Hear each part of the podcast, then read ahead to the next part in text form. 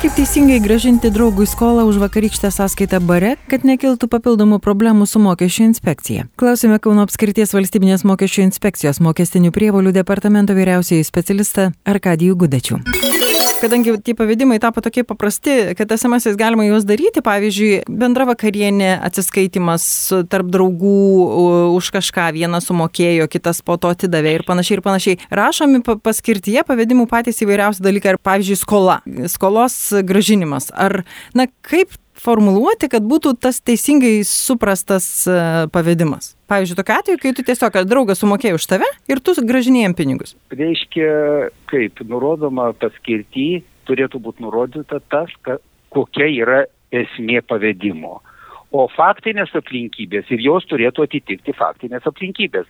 Negalima taip, jeigu mes rašom skola, bet faktinė aplinkybė, kad aš, kad gyventojas parduoda tam tikrus daiktus, o apmokėjimo e, pavedime rašo skola. Tai čia netitinka to reikalavimo ir čia tada jau reikia žiūrėti konkrečiai faktinės aplinkybės ir vis tik čia buvo pardavimas priekyba. Mhm. Jo, bet aš turiu omeny, kad pavyzdžiui kažka, kažkas vienas už kitą apmokėjo ir tiesiog gražinami, gražinami pinigai. Čia skola ar kas? Tai jeigu, jeigu po tam tikro laiko, tai tikriausia skola bus.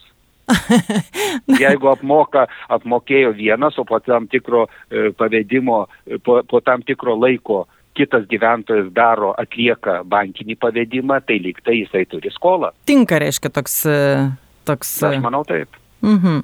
Tai jeigu, pavyzdžiui, parduotas daiktas, kaip jūs sakėte, tai taip, čia, čia na, aišku, ar ne, kodėl, bet, e, sakau, tose, tose pavedimų visą laiką būna toks sutrikimas, ką rašyti, arba tiesiog nieko nerašo, pavyzdžiui, bet, e, na, tos sumos dažniausiai, aišku, nebūna labai reikšmingos, kelias dešimt eurų ar panašiai, tai čia neturėtų būti problema, jeigu tiesiog nieko neparašyti. Nu, matot kaip, mes vis tiek rekomenduojame, kad būtų įrašyta, nes, sakykime, kai, kai įrašyta, tai ir gyventojas po tam tikro laiko jisai prisimins, kokia buvo situacija. O kai nieko neparašyta, tai tada yra, nu, kaip labai sudėtinga po tam tikro laiko prisiminti, kas čia buvo, koks čia pavedimas, koks tikslas buvo pavedimo ir kok, kokiu tikslu buvo pravesti pinigai į sąskaitą. Vis tik pavedime gerai būtų, kad būtų paskirtis nurodyta. O iki kokios sumos, pavyzdžiui, ne, na, tas iš vis nedomina yra ten 250 eurų ar kažkiek, tai ar yra kažkokia suma, kuri, sakykime, nesvarbu, kas ten ir, ir kiek ir kam. Tai mes jau čia paliečiam neapmokestinamas pajamas.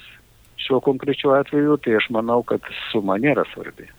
Kaip minėjau, tik tai, kur atsiskaitimas negrinais pinigais eina pats principas, aš kaip ir minėjau, kad e, čia mes žiūrim ne vieną pavedimą, o gali būti daug pavedimų į sąskaitą. Per metus reikia tai žiūrėti. Visa, mhm. visas aplinkybės reikia faktinės žiūrėti, visų pavedimų. Aiškino valstybinės mokesčių inspekcijos vyriausiasis specialistas Arkadijus Gudačius. Jį kalbino Vilija Kvedaraitė.